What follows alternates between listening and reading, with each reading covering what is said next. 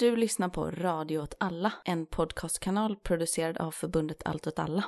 Hej och välkomna till eh, Sätt att se. Eh, när vi spelar in det här är datumet 19 december, men när ni hör det i framtiden så är det 27 december, eller senare, jag vet inte. Den tidigast 27 december. Med mig har jag precis som förra gången eh, Leo Hallå, hallå. och Ellen. Hej hej! Ska vi eh, berätta vad vi dricker? Ja, det tycker jag. Jag har ju nämligen de eh, tre senaste månaderna bryggt ihop en eh, slånbärslikör som vi nog eh, smakar frukten av. Väldigt gott. Jag dricker också julmumma och äter Mozartkulor. Det gör vi alla. Mm. Alla får äta Mozartkulor. Smakar som att dricka en kardemummabulle. Mm.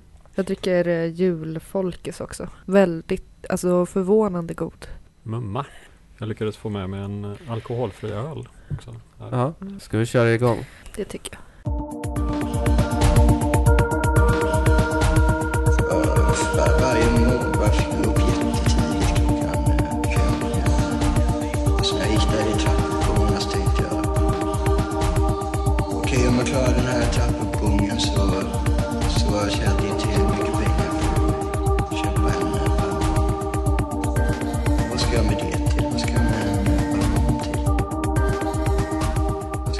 Um, ja, men jag har tänkt lite på det här med eh, eh, värdet på konst och kultur. Och eh, det är någonting som har intresserat mig ganska länge. Och jag tror att det delvis beror på att alltså det här med just det, värdet har alltid varit så svårfångat, alltså både i monetära termer och eh, med kvalitativa termer, alltså så här vad får man ut av att eh, titta på konst? Eh, eller liksom varför ska man ta del av det? Varför ska staten finansiera det till exempel? Och någon som pratar ganska mycket om sådana här saker, det är ju Walter Benjamin som har skrivit en eh, jätte, jätte, jättekänd essä som heter Konstverket i reproduktionsåldern som ger ganska mycket utgångspunkten för eh, mycket så här samtida tank, eh, liksom kulturteori. Och i den essän så menar han att eh, litografin eh, innebär en liksom brytningspunkt och litografi det är då att, jag vet inte exakt men det, det är ett sätt att här, kopiera bilder på väldigt exakt och effektivt. Alltså innan det så fanns det träsnittet som man kunde kopiera, som man ser i så här gamla böcker typ. Men att det var liksom typ förlagen till fotografiet ungefär. Man kunde trycka konst på något sätt kanske. Precis. Ja men så han menar att det innebär liksom en eh, brytpunkt för konsten eftersom att den tekniska utvecklingen, precis som jag sa, liksom gjort det möjligt att verkligen kopiera konst. Det har ju, alltså man har ju sysslat med det i alla tider, typ som övning och sånt. Men att nu gick det på liksom maskinell väg. Och litografin kom ju typ på 1800-talet tror jag. Och Ja men jag vet inte, jag tänker att sen dess så har liksom värdet på konst och kultur blivit allt mer diffust, typ. Alltså för om man tänker typ att det fanns, alltså värdet på konst och kultur om man ser det från, som liksom en rörelse ifrån att typ på medeltiden och feudalismen att så här kungar och furstar de hade ett ganska konkret syfte med att finansiera konst. Då var det ju liksom för att eh, manifestera sin makt och visa så här, föreviga eh, sig själva liksom. Men liksom vid 1800-talet så kom liksom Baudelaire och då blev det en fråga om det här med eh, konsten för konstens skull och sådana saker. Och att alltså då kom, alltså det blev mycket mer vanligt med en tanke liksom om att konsten ska liksom uttrycka någonting. Alltså det är inte bara att någon så här första är så här jag vill ha en fet eh, bild på mig, måla det, här får du pengar. Utan det är på något sätt det som uttrycker mest som är bäst, typ. Eller ja.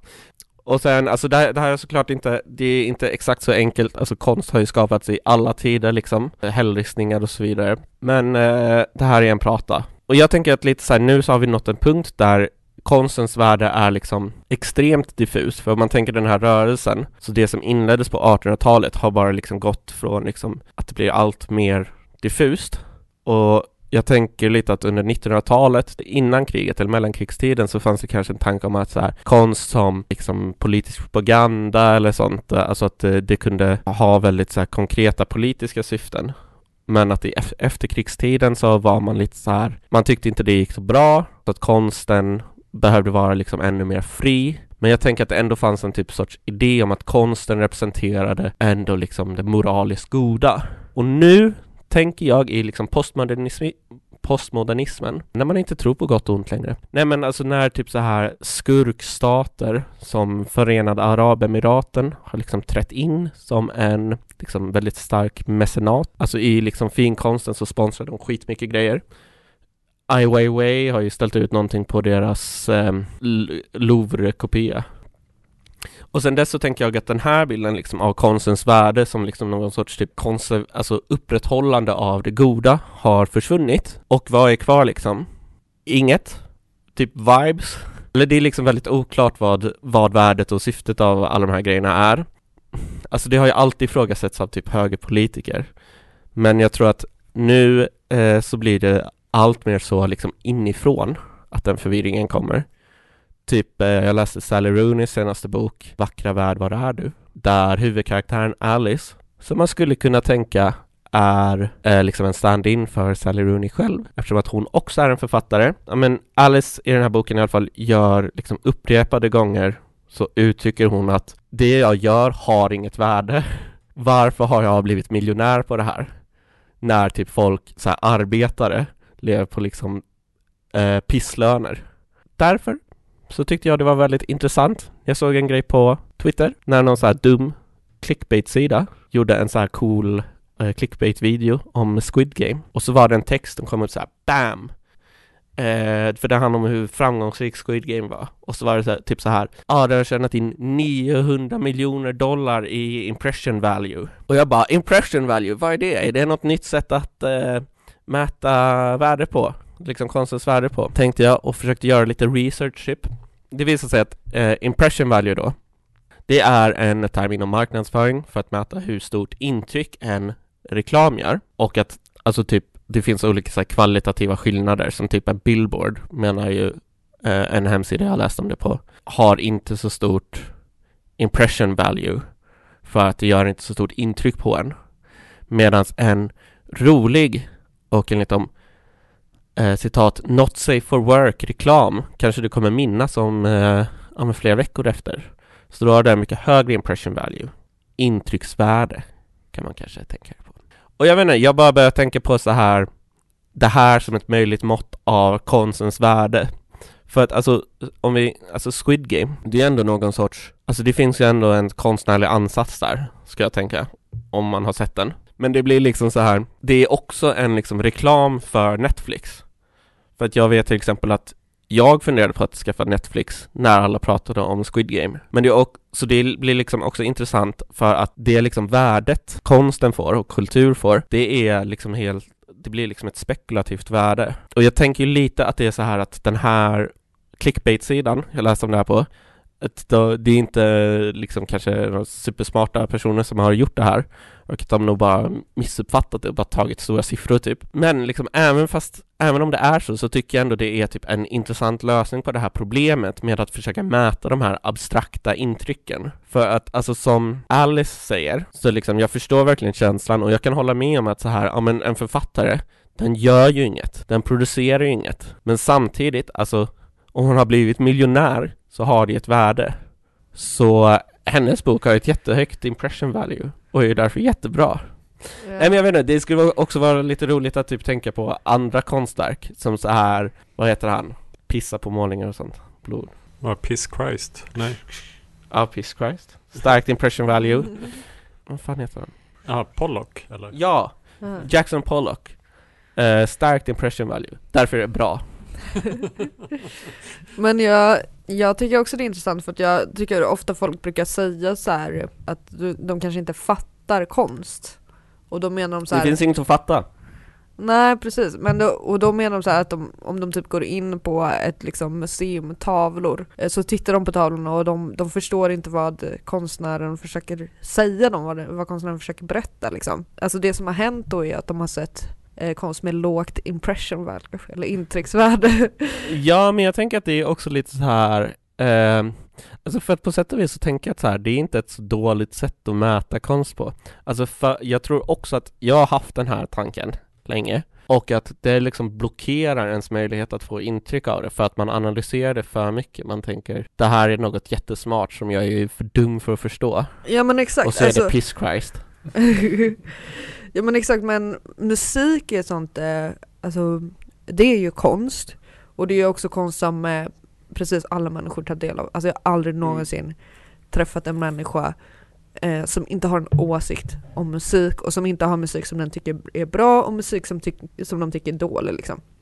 Och det är ju också någonting som man tar in på, på det sättet som man ska ta in konst på. Att man bara lyssnar på det, avgör, får det här med att f- liksom känna bra känslor eller dåliga känslor eller inga känslor alls liksom. Och på det sättet så avgör man om det är en bra eller dålig låt.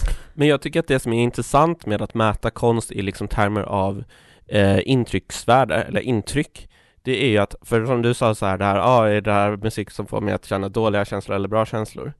Att det är också ett av problemen att bara för att ett konstverk får en att känna dåliga känslor så är det inte dåligt. Absolut. Alltså pizzeria, det är konstverket, att det står pizzeria på konsthallen, konstmuseet i Göteborg. Just det. Eh, det får mig att känna dåliga känslor. Men det är dåligt. Men eh, viss musik, typ Shoo mycket dåliga känslor. Bra musik. Ja men absolut, alltså, Eh, och så, så är det väl när man kollar på liksom typ eh, ehm, Squid Game eller typ en ehm, skräckfilm eller vad som helst. Alltså, du får ju att känna dåliga känslor men det gör ju inte att det blir dålig konst. Alltså riktigt dålig konst det är ju den som inte får dig att känna några känslor. Så man kan ju bli väldigt arg av dålig konst också. ja, som en pizzeria. Ja. Gjorde mig ofantligt arg.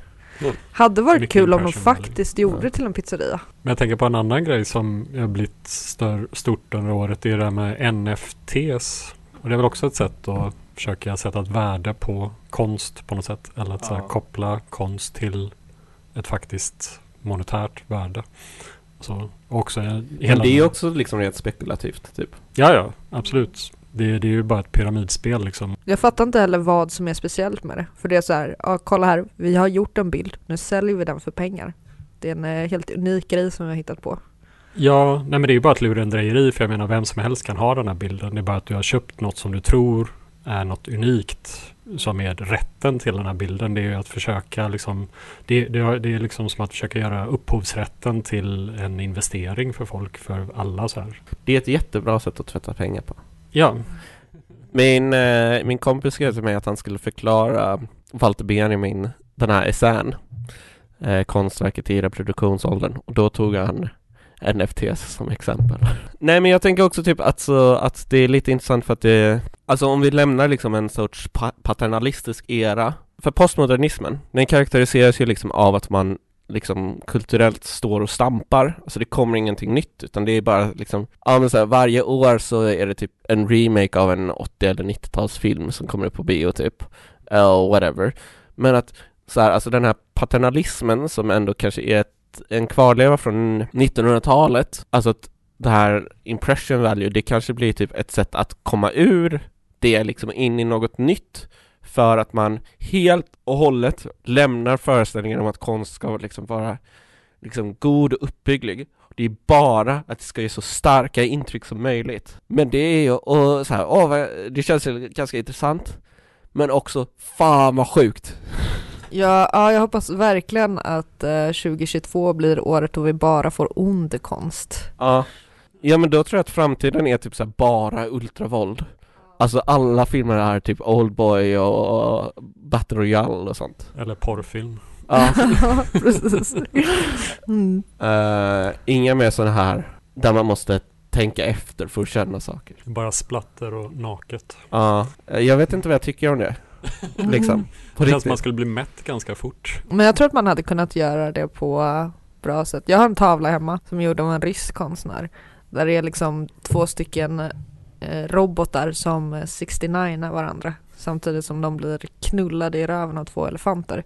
Och allt det här utspelar sig liksom på en eh, cirkusscen. Och så Ja. ser man liksom massa människor eh, runt omkring som tittar på. Det är fan samhället idag. Okej, då ska jag göra ett till försök att snacka om den här boken Reglernas utopi av ehm, anarkisten och ehm, antropologen David Graeber. Och eh, den här boken har då undertiteln Om teknologi, enfald och byråkratins hemliga fröjder. Eh, och den består då av tre längre texter eller essäer kan man väl säga. Och den första handlar om eh, byråkrati, kopplingen till våld, hur byråkratier är lite beroende av våld för att upprätthålla sig själva ofta. Och den andra texten handlar om eh, marknadsbyråkratins ehm, inverkan på vetenskapliga framsteg och hur det har hindrat oss från att göra några former av vetenskapliga stora framsteg sedan 70-talet i stort sett. Ehm, men jag ska prata lite grann om den tredje texten här idag. Uh, som frågar så här, varför får vi mer byråkrati hela tiden? Det, det är väldigt kul att läsa David Graeber för att han har liksom så här tusen olika historier hela tiden som bara spretar åt alla möjliga håll. Så. Jag tycker inte det låter kul, jag tycker det låter jättejobbigt. ja, jo, det beror lite på. Han har ett väldigt bra sätt att liksom få ihop det på när man läser det som gör att man liksom hänger med hela tiden, så här liksom, att det kommer nya infall hela tiden. Men att sammanfatta det blir ett rent helvete. Så, liksom. uh, så att jag har liksom skalat ner alla olika trådar i den här tredje texten till tre stycken trådar som jag ska mm. försöka sammanfatta nu. Mm. Hyfsat. Det bra. låter som att man behöver koncentrera sig mycket när man läser det. Ja, det kräver en hel del, men han är samtidigt väldigt rolig så att det är inte så. Det är liksom inte så tung text på det sättet. Han är en bra berättare. Han, han är nog väldigt, eller hade varit, han är ju död tyvärr, men hade varit väldigt kul att ha med eh, på en fest. Bara sitta och rabbla saker. Så, um, men i alla fall. Um, varför får vi mer och mer byråkrati? Och han är inne på två spår här lite grann. Det ena är att byråkrati skapar mer byråkrati. Att byråkrati skapar nya problem och för att lösa de problemen så skapar man mer regler och så ja, blir det en spiral. Så. Också han utgår lite från vad Max Weber pratar om att byråkrati gör sig ofta oundgänglig för makthavare eftersom den har kontroll över väldigt väsentlig information ofta. Så. Max Weber sa bland annat att enda sättet att bli av med en byråkrati är att döda alla byråkrater. um, och ehm, ja, men det andra spåret är lite grann att byråkratin också har en väldigt stark dragningskraft på de som den eh, som blir utsatta för den helt enkelt. Liksom. Att det finns en lockelse i byråkratin. Um, så det tänkte jag gå in på lite här nu. Och för att koppla lite till årstiden, så här jultider, så spelar vi ganska mycket spel. Många i alla fall, så här brädspel och sånt. Jag tänkte jag fråga, vet ni vad som är skillnaden mellan lek och spel? Det är okej okay om ni inte vet. Ingen aning. Fan, jag har hört det här tror jag. Ja. På vissa språk är det väl samma sak? Typ spanska? Jugar. Mm. Ja. Um, uh, ja, men jag vet inte, någonting med regler. Ja, precis. Att lek är ju oreglerad kreativitet. Och medan spel är uppbyggt på regler, där det är regelstyrt handlande. Och byråkratier skapar spel, ofta väldigt, väldigt tråkiga spel. Och kan ju bara ta en definition av vad, hur Graeber beskriver byråkrati och då säger han att det är ett system av formaliserade regler och bestämmelser under hierarkier av opersonliga tjänstemän. Precis. Det är, det är ett sätt för eh, tjänstemän att kunna säga så här Absolut, vi har din klagan, därför fyll i det här formuläret. Ja, precis. En så här opersonlig diktatur på mm. vis. Vi måste gå, innan vi kan göra någonting åt det så måste vi gå alla steg i kedjan. Eller på den här trappan som vi har visat på den här grafen. Och så är det en sån jätte, jättelång trappa som bara leder upp till ett vindrum och så blir man helt yr och svimmar. Som i processen. Precis. Det är det det handlar om, att det är jobbigt att gå i Väldigt mycket, väldigt mycket så. Så att vara fast i det här byråkratiska ekorrhjulet kan ju vara, vara att som vara instängd i ett fasansfullt spel på väldigt många sätt. Precis som Kafka då beskriver i processen. Det är liksom eh, designat för att bara trötta ut den. Ja, mycket det. Och livet består ju oftast av väldigt mycket outtalade regler. Och vi är liksom ständigt upptagna av att försöka liksom tolka och avgöra vad som gäller i olika situationer. Så här. Och spel, i spel så finns ju inte den här tvetydigheten. Och det kan bli en viss njutning i det av att vi har väldigt så här uppsatta tydliga, klara regler som vi inte behöver liksom hålla på att tyda och försöka utröna vad som gäller och så hela tiden. Och det blir ju en sorts reglernas utopi med spel. Okej. Okay. Men reglernas utopi, det är ju titeln på boken. Precis, så um, det blev en liten koppling tillbaks till det. Um, ja, och då lek som kontrast behöver ju inte regler uh, för att fungera. Eller så här. Att uh, lek kan vara helt improviserad bara för att det är kul. Uh, på det sättet så blir det ett uttryck för liksom ren kreativ energi eh, till skillnad från spel. Eh, frihet för frihetens skull helt enkelt. Han, han fortsätter att beskriva här liksom att leken kan också så skapa spel genom att leken genererar regler. Mm. Och det är ganska svårt att undgå så här, för att i alla fall outtalade regler. Och helt så här slumpmässig lek blir ganska tråkig ganska snabbt. Men eh, leken kan ändå per definition inte vara bunden av regler. Och Det kan man se till exempel på barn, hur de leker, att de ägnar ofta lika mycket tid åt att diskutera vilka regler som ska gälla för leken, som att leka. Men det här att diskutera vilka regler som gäller blir i sig en sorts lek. Det är en del av skapandeprocessen. Typ. Precis. Och på det här sättet kan man se att frihet behöver liksom en konflikt med någonting annat. Eh, annars blir den bara rent godtycklig på många sätt. Så leken kan ju också vara nyckfullt destruktiv. Till exempel att katter leker med möss och att ingen skulle vilja träffa på en lekande gud. Och det är lite så här, han kommer in på det också, att byråkratins lockelse ligger lite i, i rädslan för leken. Att vi kan ha en bild också av så här skräckinjagande lek som, som brukar kallas så mörk lek eller uppifrån lek. Och då är det till exempel kungen eller Guds makt. Och det är så här entiteter som står över de lagar som de själva skapar. Och Det är något som liknar leken och något som också kan likna det är ju så här suveränitetsprincipen som är då statens rätt att utöva våld genom så här tjänstemän och poliser.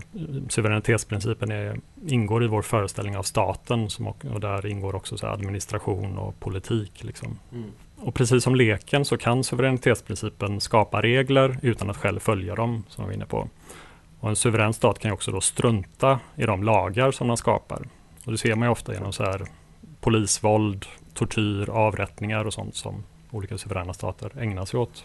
Och det här eh, blir ganska godtyckliga maktyttringar. Men problemet ses ofta som just godtycket och inte själva makten i sig. Och för att stävja det här godtycket så skapar vi fler regler, fler lagar och har fler poliser och vi börjar leva under ett ständigt hot om våld hela tiden. Eh, och det blir då det här nya problem, nya regler. Frihet och rättvisa reduceras till ett spel mer eller mindre. Och kreativitet ses som väldigt skrämmande. Och kan man se till exempel i diskussionerna kring gangsterrap eller hiphop idag, att det ses som problemet. Och att så här, spel och regler och lagar, det ses som frihet istället. Men jag tänkte gå in lite också på vilka så här, synsätt och tankar som ligger till grund lite för det här byråkratiska systemet. Och en av dem är ju tanken om rationalitet som funnits väldigt länge i liksom västerländsk idétradition så här, från Platon, Aristoteles och kristendom och islam. Och så. Och att man ser det lite som att människans förnuft ska tygla våra lägre instinkter.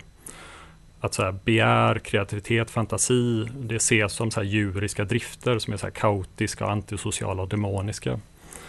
Och att förnuftet är en slags moralisk kraft i sig själv som bara ska så här, hålla koll på det här. Och I och med upplysningen så vände man på synen. Så att istället så blev det att förnuftet ska vara passionernas slav. Mm. Att förnuftet ska inte säga vad vi vill ha, bara hur vi kan få det. Och det här ekonomiska vetenskapsfältet har ju någonstans utvecklat den här logiken längst genom att vi bara ska vara rationella individer på marknad som ska göra olika val för att tillfredsställa oss själva. Liksom. Men samtidigt så finns båda de här synsätten kvar. Mm. Att det är liksom en väldigt tvådelad syn vi har på, eller syn vi har på rationalitet. Det kan både vara en neutral social teknologi, bara ett verktyg, eller så kan det vara en rationell moralisk ordning och ett mål i sig själv. Liksom. Så inom politiken så har, växlar eh, så här, betydelsen av rationalitet mellan de här två olika. Och det finns liksom ingen riktigt konsensus av vad som är betydelsen.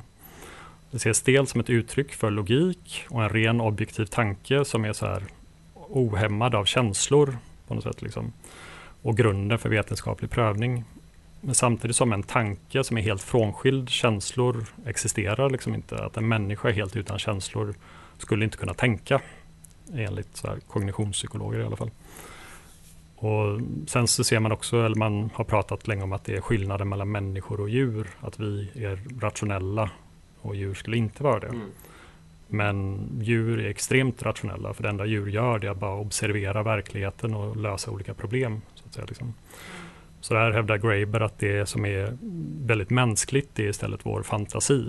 Att vi har liksom möjligheten att skapa fantasivärldar och tänka ut nya sätt att ordna vår samvaro på och sen förverkliga det. Liksom. Jag läste en bok för ett tag sedan om, av eh, Jonna Bornemark eh, som pratar om, eh, jag kommer inte ihåg vad den heter, det, ja. eh, alltså att man typ under medeltiden och sånt, eh, i liksom, med utgångspunkt ur eh, någon sån medeltida filosof, att det också fanns liksom en, någonting mittemellan. Alltså no, eller någonting snarare som stod över liksom rationalitet och passioner eller vad man ska säga. Eh, som var det gudomliga typ. Just det. Ja, jo, precis. Men det finns ju ofta en sån kosmisk syn på något högre, Mm. allvetande som liksom går lite bortom rationalitet Mm. och känslor och så på något sätt. Som är den här liksom suveräna makten på något sätt. Mm. Så, och det, han går in väldigt mycket på det också i olika spår här. Liksom att, men det blir, det blir lite som den här lekande guden liksom, som har makten att skapa regler och är rationell men samtidigt står över det samtidigt. Så här, Kan liksom. upphäva dem när som helst. Ja, precis. Eh, som våra stater också på ett sätt. Eh, men ett annat exempel på vår lite så här ambivalenta relation till regler och byråkrati tar den upp här som är språket. För där har vi ju så här grammatik, det är ju så här nedskrivet alla de här outtalade omedvetna reglerna som gäller för språket. Eh, och det blir samtidigt anvisningar för hur vi bör tala. Så. Mm. Eh, och han tar ett exempel hur på Madagaskar så hade de inget nedskrivet skriftspråk så här liksom så, fram till 1810-talet då de kristna missionärerna där skulle översätta Bibeln till det lokala språket. Ehm, och då nedtecknar man språket för första gången. Och nu i, dag, i nutid så lärs det här nedtecknade språket som nedtecknades 1810 fortfarande ut i skolor i Madagaskar trots att språket är totalt förändrat i och med att det har gått 200 år. Och det man säger är att alla som pratar gör fel. och det blir väldigt, väldigt svårt för nya personer att lära sig språket på grund av det här, eftersom ingen pratar så som man lär ut i skolan. Och där kan man ju se något slags motstånd mot det som vi kallar godtycke på något sätt. Liksom. Och att det leder till en ganska okritisk acceptans av makt i den mest formella institutionaliserade form. Liksom. Och man frågar sig lite här då, hur påverkar det här vår syn på frihet? Att det blir ju att regler som per definition är begränsande, eh, men utan språkliga gemensamma konventioner så skulle vi också bara få sammanhäng, osammanhängande babbel. Liksom. Det skulle inte gå att kommunicera och det blir inte heller någon frihet. Så det finns både regler som begränsar och regler som möjliggör. Och det är svårt att veta var gränsen går mellan de här. Jag tänker lite att, eh, ja, alltså att det är intressant med språk för att det är lite som en så här, eh, eller så här kollektiv subjektiv liksom, intervention emot liksom, den stelbenta så här, byråkratiska eh, nedskrivna. För det är inte som att eh, typ kollektivet eller liksom massorna förespråkar bara ett eh, språk utan regler för då kan man inte prata med varandra. Utan det är andra regler liksom. Ja, precis. Men, men frihet blir då liksom lite grann den här spänningen mellan mänsklig kreativitetens fria lek liksom, och de regler som den konstant genererar hela tiden. Alltså, jag, jag tycker det liksom är en intressant grej att tänka på också att det är eh, att liksom att kunna jättemånga regler och att kunna följa alla de här reglerna är liksom eh, som en statusmarkör. Alltså att det är som, eh, det är som att eh, veta vilket bestick man ska använda till vad och sånt. Mm. Att det är ett sånt himla liksom, tecken på ehm, liksom vilken kunnig och bra människa är, att man kan följa alla de här reglerna. Hur väl man passar in i systemet på något sätt. Ja. liksom. Och samtidigt då, utan grammatik så har vi inget språk. Men sen alla språk förändras hela tiden. Mm. Och varför är det så? Det vore ju mycket, mycket enklare eh, om vi hade samma språk hela tiden. Kanske med några små förändringar men ändå, ändå så har vi den här konstanta förändringen hela tiden. Och en förklaring kan ju vara att det bara är rebellanda liksom hos ungdomar som bara inte vill prata som de gamla gör. och så här. Eh, och en annan förklaring kan vara liksom lekprincipen i sin renaste form på något sätt. Att det är tråkigt att tala på samma sätt hela tiden. Och att vi därför håller på och leker med språket och liksom skapar nya sätt att prata om saker eller säga saker på. Um, och det, här kan man se lite att vi människor har två väldigt motstridiga anlag. Att vi är dels väldigt, väldigt lekfullt kreativa bara för sakens skull. Samtidigt som vi håller med alla som säger åt oss att vi inte borde bete oss på det här sättet. Så. Och att det är det här senare anlaget, att, att säga till oss att vi inte borde bete oss så, som möjliggör en slags spelifiering av det institutionella livet. Liksom så här, att vi bara får fler och fler regler hela tiden som ska kontrollera hur vi beter oss. Eh, och frihet blir då i det här synsättet bara godtycke och en väldigt farlig subversiv makt. Och en helt förutsägbar värld blir istället sann frihet. Mm. man kan se det lite i byråkratisering av arbetsplatser också. Att så här, man pratar om att man ska ha så ökad transparens och det handlar om att skriva ner alla outtalade sedvänjor man har på en arbetsplats till exempel. Mm. Och att de ska bli så fasta regler eh, för att få bort godtycke. Men det enda som händer egentligen det är att man flyttar upp godtycket en nivå. Det blir en ny makt som kan åsidosätta reglerna istället. Så. Så byråkrati utger sig väldigt ofta för att vara neutralt men är det väldigt sällan. Istället så domineras det och gynnar redan privilegierade grupper. Väldigt ofta utifrån etisk, etnisk tillhörighet. Och administratörerna får en enorm personlig makt eh, som de genom så här komplexa regelsystem som är väldigt motsägelsefulla och som är helt omöjliga att få en överblick över eller kunna tolka. Och en värld där alla känner till reglerna och alla följer reglerna och att de som håller sig till reglerna kan vinna är liksom en utopisk fantasi i det här. Lika mycket som en värld full av fullkomligt fri lek. Det är väldigt, det, det känns ju som att det är ganska mycket temat i allt Kafka skriver liksom att Ja men det här är en kille som kan alla regler och han blir bara fuckad. Ja precis, man försöker göra allt för att hålla sig till det men eh, det lyckas aldrig för det går inte för det är riggat redan. Men den här fantasin om att det går att vinna om man bara håller sig till reglerna. Det är det som har skapat den här världen som vi lever i med en pytteliten elit. En procent av befolkningen som med byråkratins hjälp suger rikedomar ur resten av oss. Och att den här jakten på frihet från godtycklig, godtycklig makt resulterar i mer godtycklig makt. Och en tillvaro av regleringar, där vi be, fullt av beväpnade vakter och övervakningskameror och där vetenskap och kreativitet kvävs och vi ägnar allt mer tid åt att fylla i formulär. Men det finns ju ett exempel i alla fall på ett alternativ till det här och det är ju den lilla, eller lilla och lilla, men området i eh, nordöstra eh, Syrien som heter Rojava där man kan se ett praktiskt exempel på Eh, där byråkratin är underställd folket och folkets makt. Och där har man skapat två system i ett. Man har så att säga en dubbelmakt inom systemet. Eh, ett, ett system som verkar ovanifrån och ett system som verkar underifrån. Men det systemet som verkar ovanifrån är samtidigt underställd det systemet som verkar underifrån. Så att eh, man har försökt på ett kreativt sätt leka fram en ny sorts byråkrati som är av folket och för folket istället. Eh, lite kortfattat, men ni kan ta reda på mer om ni går in på Rojava-kommittéerna. Mm. Det var min lilla prata. Nej men jag tänker att om man ska ha en sån eh, Alltså att det liksom eh, um, Om man inte ska ha byråkrati så står det liksom lite grann i strid med eh, det här rättssamhällstänket som vi har. För då, då, det kräver liksom att man skulle ha en mycket friare syn på så här. okej okay, men eh, vi testar det här. Mm. Eller vi gör på det här sättet. Och om det går åt helvete, ja, då, då gör vi inte så mer. Eh, då gör, testar vi någonting annat. Istället för att det är så här, eh, nu kommer jag fram till det här, jag har blivit satt på den här positionen, eh, då tar jag på mig det här ansvaret. Om det här misslyckas, då hamnar jag i fängelse. Mm.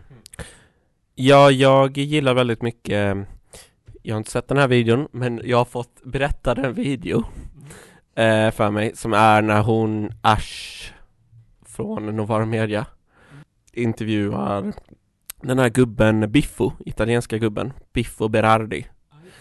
Eh, och hon är så här, ja det här är då innan allt gick åt helvete i England. Men hon var så här, ja men tror du att det här med den nya vänstern och att man liksom, liksom försöker införa typ socialism genom Labourpartiet, kommer det lyckas? Och Biffo bara Äh, förmodligen inte, men varför inte? Prova! vi testar, vi kör på. Ja, uh, och det, tycker jag är, alltså det tycker jag är så mycket, så mycket, alltså apropå det att USA är att uh, mycket mer liksom bättre väg framåt. Ja. ja, och det gör ju också att funkar det inte, då måste man liksom inte köra vidare med det, då kan man bara sluta. Ja, exakt. Eh, På Då har man ingen sätt. prestige i det. Nej, och, och, men om man har bestämt så här, nu har vi den här femårsplanen typ, eh, som vi måste eh, följa liksom till, till varje process, och då måste det på problem på vägen. Då kan man liksom inte göra någonting åt det. Okej, Eh, det här är ju våran eh, sista, det sista avsnittet av Sätt att se för året. Därför så eh, ska vi sammanfatta kulturåret lite grann. Jag märkte något bisarrt när jag skulle göra research för det här avsnittet. Och då googlade jag bara så här kulturåret 2021. Och det kom upp alltså kanske tio olika ka- artiklar. Från alltså tio olika tidningar. Som alla hette samma sak. Och de hette Kulturåret 2021 fullsatt på försök. Fullsatt på försök. Ja. Okej. Och det, det handlar Och det verkar typ vara samma text nästan. Alltså för varenda en inleds också av någon så här eh, chef för SF Bio som, eh, som säger att ehm, ja, ja, julafton kom tidigt i år för nu får man gå på bio igen. Alltså jag vet inte om jag har missat något men är inte det konstigt? Det är ett pressutskick från eh, Filmstaden helt enkelt. I alla fall, eh, så det här, eh, eftersom det var helt värdelös information så fick jag liksom bara försöka komma ihåg själv vad som har hänt under året. Och Nej. då, va? Nej, det ska inte någon behöva göra. Nej. Nej men särskilt inte när det har varit så eh, två så extremt långa år. Man kan ju inte hålla isär vad som har hänt. Nej. Omöjligt. Men i alla fall, det här året inleddes ju med att Yassin blev gripen. Han hade ju blivit eh, misstänkt och häktad i sin frånvaro för det här eh, kidnappningar av eh, Einar, eller Einar. Eh, han hade ju då gömt sig, lite, lite slarvigt gömt sig. Han hade tagit in på hotell under sin kompis namn. Så himla lätt att gömma sig i Sverige. Men sen på nyårsafton så kunde han inte hålla sig längre. Han var tvungen att hyra upp hela våningen och ha en jättestor nyårsfest som polisen då såklart fick höra talas om. eh, och så dömdes han till eh, tio månaders fängelse. Alltså, okej. va, ma, alltså varför gör man sig när, när det är tio månader som är på spel? Ja, jag tror att det var mer på spel än så. Eller för att det, han dömdes ju tillsammans med Vårbynätverket och en av dem dömdes till 17 år och 10 månader. Ehm, ja, sen blev ju han Einar skjuten utanför sin bostad nu i oktober. Mm. Och dog. Alltså det är ju väldigt, eh, för han gjorde den här, Einar gjorde den här låten liksom som svar till den här uh, våldtäkten som han blev, var med om. Ehm, eh, där han var typ så här. Ni kan försöka sänka mig men det kommer aldrig lyckas. Men man har ju aldrig någonsin fått liksom känslan av att han är Alltså har någon slags makt här. Utan han känns Han har alltid känts som typ en eh, liksom myra som de stör sig på. Och, och då, då tycker jag i alla fall att det känns så extremt brutalt att liksom efter att ha utsatt någon för den här förnedringen att sen bara döda den. Eh, det, är, alltså det är extremt sorgligt. Ja, verkligen. Jävligt tragiskt. Ja. Hmm, svårt att gå vidare från det här nu. Ehm, ja, gå vidare. Lars Vilks stod också. Ja. Hurra! hurra Silja, varför säger du hurra? Eh, ja, en rasistisk gubbe mindre, tycker jag. Mm. Alltså jag tyckte Nimis var fett. Jag gillar också Nimis. Jag var, vi, jag var där med min mamma och klättrade på Nimis.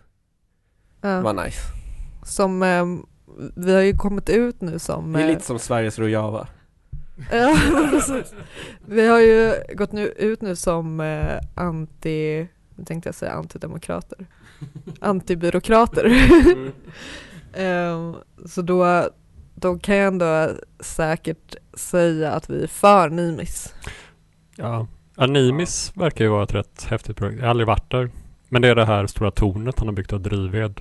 Alltså, det är typ massa som en liten skit. stad Ja, nästan av grejer han har byggt av eh, saker som har flyttat i land där. en liten by kanske.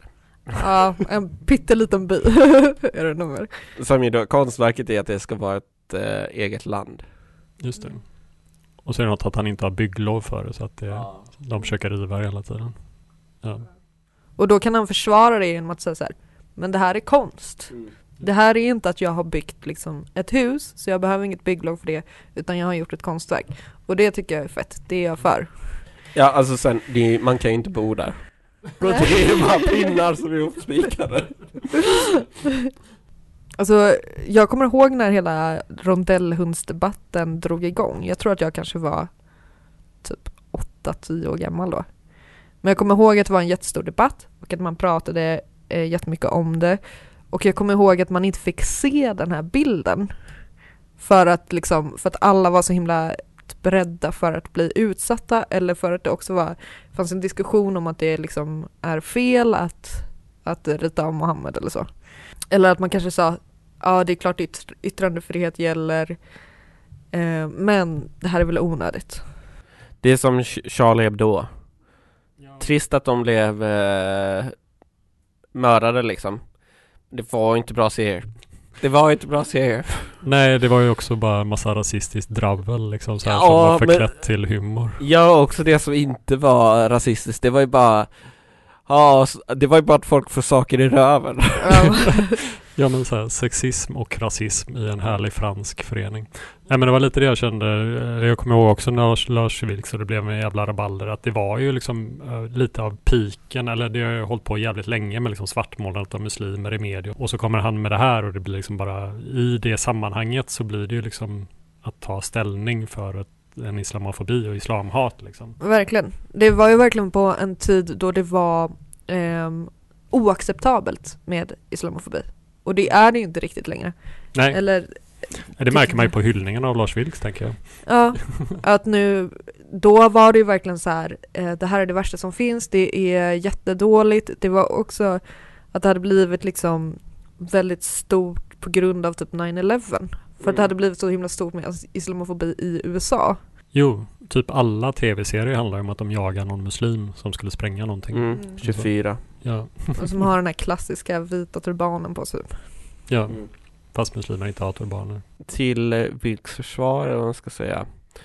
Alltså jag har hört typ vissa eh, konstpersoner jag känner menar att alltså, han är en väldigt duktig konstteoretiker. Alltså att han är en bättre teoretiker än konstnär. Så det kan man ha med sig. Det är trist. Det. Bara för att kontrastera, kontrastera lite. Men jag, jag tycker nästan eh, det här med att han är en bra, skulle vara en bra konstkritiker, att det är nästan eh, Teoretiker. teoretiker gör honom till en sämre konstnär. För att, eh, eller jag tycker, jag tycker verkligen att bra konst liksom ska komma ifrån själen. Det ska vara så här, det ska flyta liksom som blod ur ådrorna ner på en bit papper. Och om han är en bra konstteoretiker så känns det bara som att han har liksom teoretiserat kring saker. Ja, alltså en av liksom den samtida konstens värsta sjukdomar är att alla konstnärer förväntas vara kritiker också. Det suger. Vi vill ha mer impression value. Ja, Precis. exakt. Men han hade väl, hans rondellhund har väl ett kanske ett ganska starkt impression value. Eller lågt, om man inte vet vad det är. Billie Eilish gjorde ju sitt omslag. Hon gick att vara från en emo-tjej till att vika ut sig som en eh, Marilyn Monroe.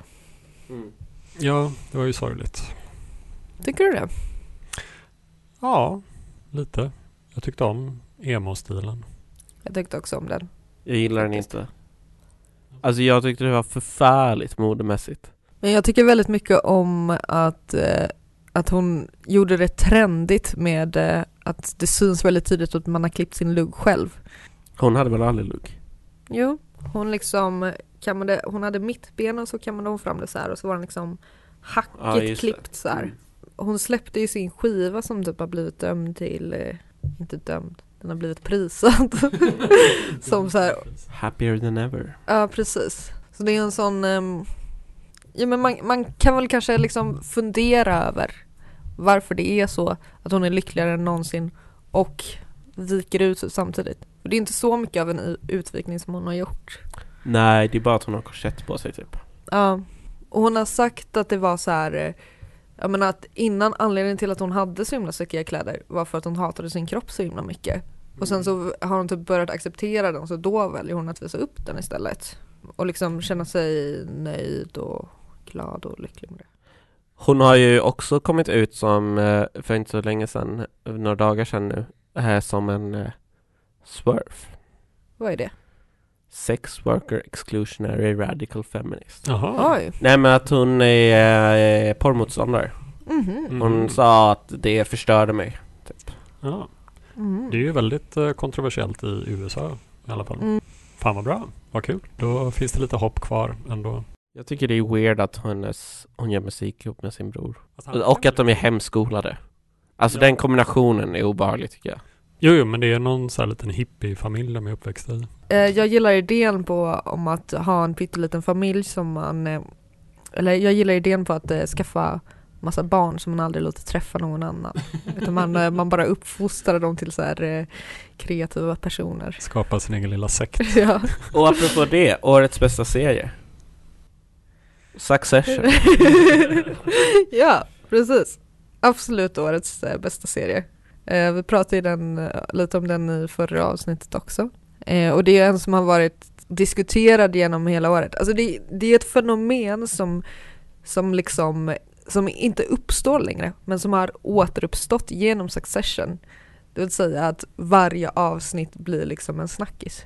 Att jag har sett så här eh, kanske en podd som bara vi måste prata om det här avsnittet. Nu ägnar vi ett helt avsnitt av den här podden till att prata om det här avsnittet av Succession. Ja, jag, ja, det här är den första serien på flera år som jag lyckats liksom följa i realtid just för att folk på Twitter typ alltid skriver när avsnittet, alltså nästa avsnitt har kommit. Att de är såhär wow! Ja, man, och så skriver man så här, jag, jag är chockad, jag måste sitta ner för jag har sett senaste avsnittet av Succession. Jag har inte sett något avsnitt av Succession, men jag tänker jag ska börja i med att alla tjatar om den så mycket. Men det handlar om en väldigt, väldigt rik så här, mediafamilj eller någonting i USA. Mm. Ja, De har det ett ska vara en, eh, medieföretag. Det ska vara en satir, eller det är liksom en satir över Murdoch-familjen. Ah, okay. Som hade, ja jag vet inte, Fox News kanske? Och en massa sådana ställen. Men jag tycker eh, verkligen att det eh, har varit en trend i kulturåret eh, med liksom kritik mot rika. Kanske ofta självkritik med till exempel Succession eller eh, White Lotus. Inte sett den, verkar tråkig. Jag har sett den, jag tycker den är grym. Ja, jag tycker också att den är jätte, jättebra. Och inte alls tråkig. Väldigt rolig, måste Ja. jag säga. Den, den är faktiskt jätterolig men den, den har ju också så här ehm, för någonting som, har, som jag tycker har liksom eh, släntrat efter lite det är den här eh, liksom 2014, 15, 16 års här, eh, eh, identitetspolitik. Att under året så har det liksom funnits lite av en tillbakablick och kanske en, en kritik mot det i liksom film och seriemediet. Att eh, det, det är en väldigt stark liksom, del i den serien där. Att eh, en av de som är på den här eh, ön, det handlar om en eh, jätterik familj som åker på semester på Hawaii på ett hotell som heter White Lotus. Men då handlar det väldigt mycket om att eh, ja, men hur sjukt det är med just Hawaii för att det, där är det ju det, det är ju liksom en ö som livnär sig en, eller en ögrupp som livnär sig helt och hållet på eh, turister ifrån, alltså väldigt rika turister för det är superdyrt att vara där. Från USA mest. Som åker dit och liksom eh, kollar på när eh, lokalbefolkningen uppträder som cirkusdjur typ, och tar på sig så här eh, ja, men bastkjolar och kanske dansar på ett speciellt sätt. Och de så här, ja, men du vet, ler och är trevliga och är liksom, är, det blir en sån himla tydlig bild av så här härskare och tjänstefolk. Ja, och man får ju följa de som jobbar på hotellet väldigt mycket också så att det blir den här att man får bägge sidorna på något sätt liksom, eller så här, liksom att de, ja, arbetarna och överklassen lite grann så här, liksom. Är det lite som Downton Abbey? Ja, fast mycket roligare och vassare och mer knark. Jag tycker det känns som en ganska naturlig följd av just den här äh, kritiken mot liksom identitetspolitiken då, att man istället börjar eh, eh, prata om rika och fattiga och relationerna däremellan. Men frågan är väl, kommer det ha någon påverkan på politiken överhuvudtaget? Har det någon inverkan, tror ni det? Alltså min, min liksom typ eh, ständiga syn på eh, konst i relation till politik är att det eh, i sig eh, inte har någon förändrande, alltså någon makt att förändra. Eh, utan att det enda som har makt att faktiskt förändra saker, det är politiska rörelser eh, och rörelser i samhället. Så att om konstnärer vill, faktiskt vill förändra samhället, då får de liksom underställa sig rörelsens, eh, liksom en politisk rörelses behov och eh, vilja. Eh, om det är så att det är det de vill göra med eh, sin konst. Sen så tror jag att konst kan liksom understödja politiska rörelser. Men de kan inte förändra någonting i sig. Alltså visst, det finns vissa saker som så här, en eh, film av Kislovski som eh, ska ha varit en stor anledning till att dödsstraffet avskaffades i, i Polen. Alltså det är väl en bra förändring, men det är bara mindre förändring, det är inte en systemförändring. Och jag tror att det är ungefär liksom vidgen av konstens förändrande potential. Typ. Ja, alltså, alltså konsten i sig eller vad man ska säga då. Ibland så kan jag tänka att det när, när man liksom driver in de här idéerna i ett samhälle eller hos människor om att så här, eh, det finns många, jättemånga rika människor som sitter på all makt och som har på alla eh, pengar som eh, som vi förtjänar så kan man skapa liksom känslan av att det händer saker även om ingenting händer. Mm. Och att det kan liksom bli ett problem. Men det kan också bara göra så att eh, folk kanske hakar på mycket lättare om man ser till att någonting händer. Alltså om man gör någonting. Mm. Så att man har en demonstration eller någonting, att folk kommer till den då. Eh, om det kan finnas den här generella känslan av att nu är saker på gång. Och nu händer. Alltså, det är nästan som att det måste börja hända saker först för att folk sen ska komma mm. dit. Ja, jag tror lite också att äh, konsten har mer en samhällskonserverande potential än omvälvande egentligen. Alltså att, eller den delen är starkare. Men samtidigt, jag, till syvende och sist så handlar ju politisk förändring om politik liksom. Ja, och jag håller med dig också att, att konsten måste någonstans underställa sig de politiska krafter som finns eller så här rörelser som finns i samhället och bli en del av dem och kanske faktiskt riskera något själv mm. på något sätt. Att vara en del av den förändringen som man vill se på det sättet.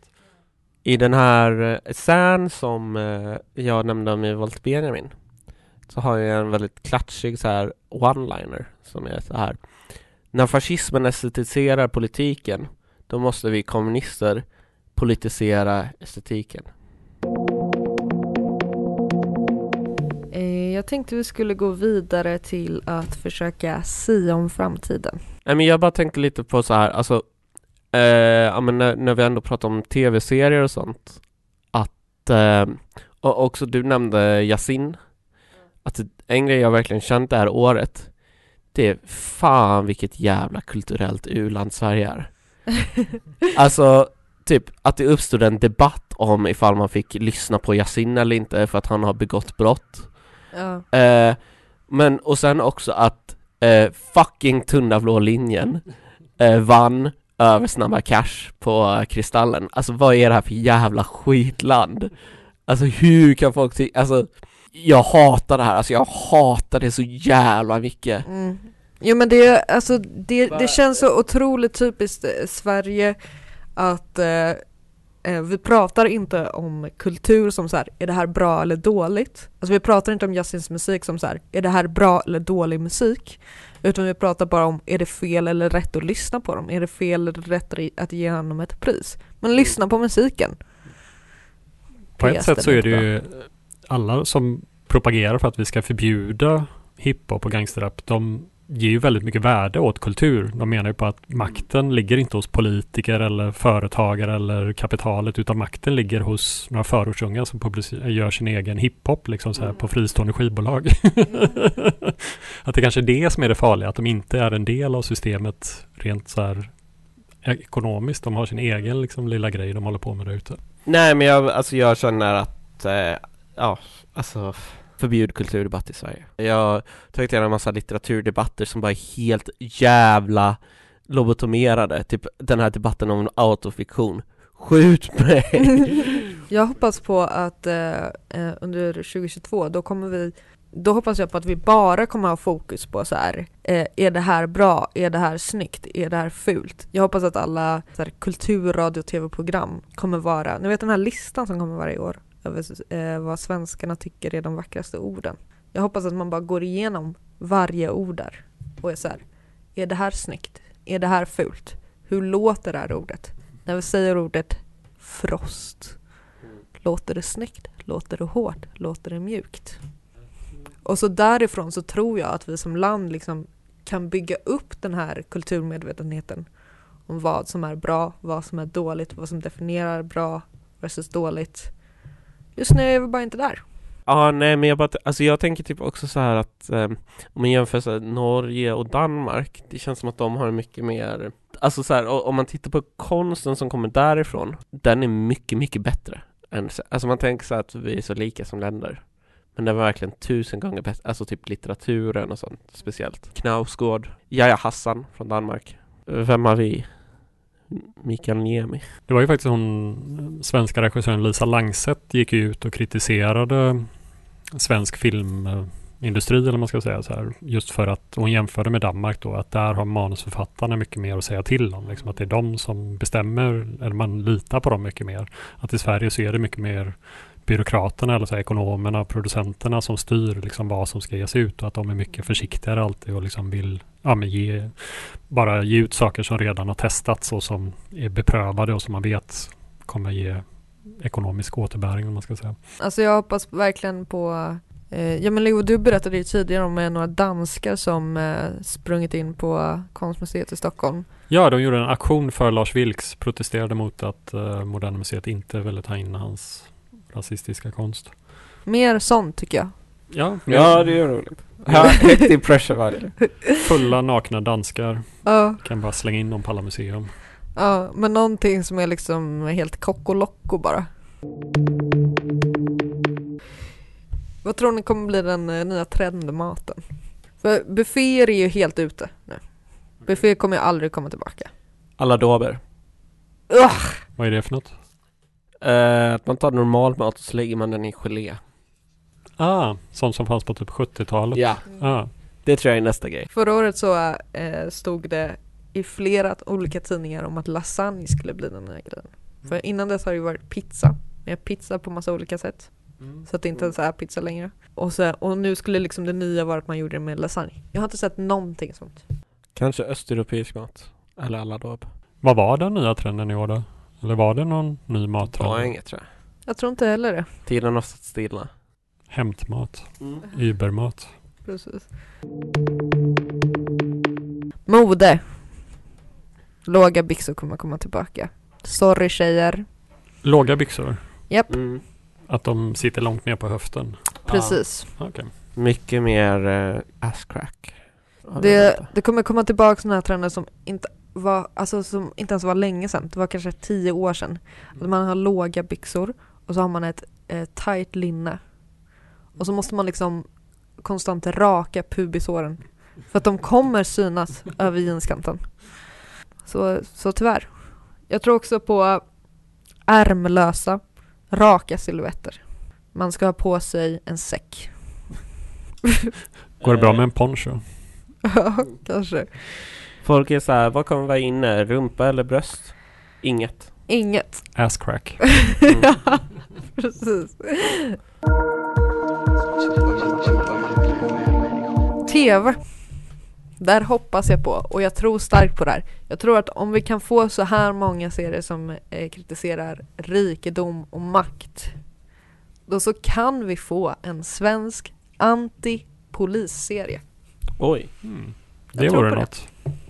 Jag tror att det kommer vara en svensk producerad för eh, kanske Netflix. Och eh, eh, där kommer man få följa liksom en polis som är, nu kastar jag ut den här idén och så får någon göra den. Eh, man kommer få eh, följa en polis som man först sympatiserar jättemycket med. Sen visar det sig att han är ond. Men då har man redan knutit eh, så många liksom, emotionella band till honom att man blir förvirrad. Precis som i Breaking Bad, fast med en polis. Så, som korrumperade snuten fast i Sverige. Och så här. Precis. En full och vresig kokaintjackad eh, Los- Lassgård som springer runt och bara spör upp folk. Ja, det kanske kommer vara en så här eh, Gunvald Begins. Gunvald börjar. Nej men jag har tänkt på litteraturåret. Eh, och det har faktiskt varit eh, riktigt, riktigt bra. Eh, alltså typ, ja men tidigare nämnda Sally Rooneys bok. Ehm, även den jag pratade om förra gången, Taulins nya. Och eh, Asta Olivia Nordenhoffs eh, senaste bok som är eh, Pengar på fickan. Och ja men det får man ju känna också lite att så här, ja men litteraturmässigt så är det lite så här återkomsternas år. För att Taolin hade inte lagt, eh, publicerat någonting på typ eh, någon skönlitterär bok på sex år eller något. Um, alltså Olivia Nordenhoff på kanske fem år. Eh, och Sally Rooney hade också tagit lite av en paus. Det kanske bara är corona. Äntligen fått tid att sitta instängda och Mm. skriva. Eller att det inte händer någonting nytt. Att man liksom skriver när, eh, när såren har läkt.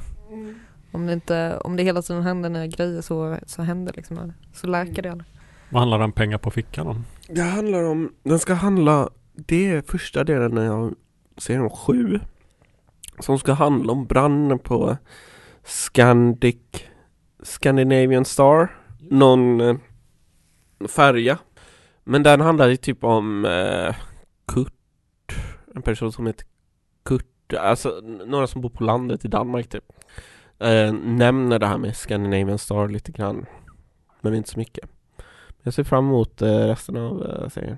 Ja, ja men just det. Nu kom jag på att jag har hört om den. Ja, den låter väldigt intressant. Att det, det var någon färja som brann typ på 90-talet eller någonting. Ja, och den var förmodligen anlagd. Just det, att det var något försäkringsbedrägeri eller någonting typ. Ja, ja men det låter jävligt. Men, och typ en massa människor dog.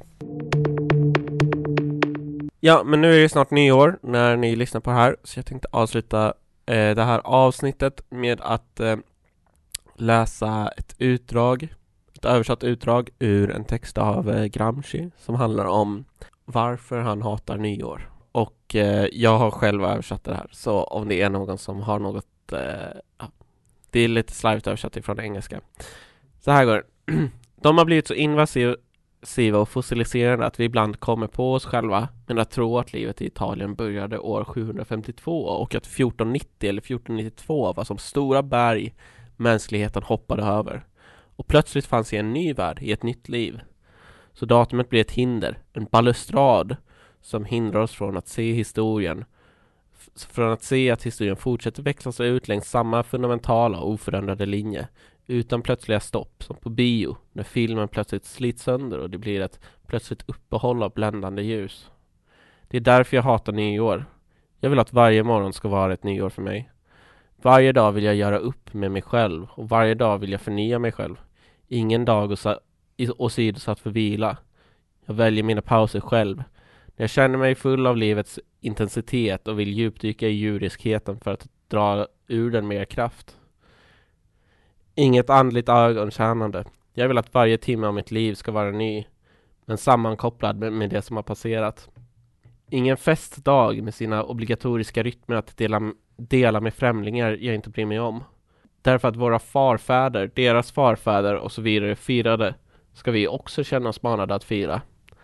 Detta gör att det vänder sig i magen på mig. Av samma anledning väntar jag på socialismen.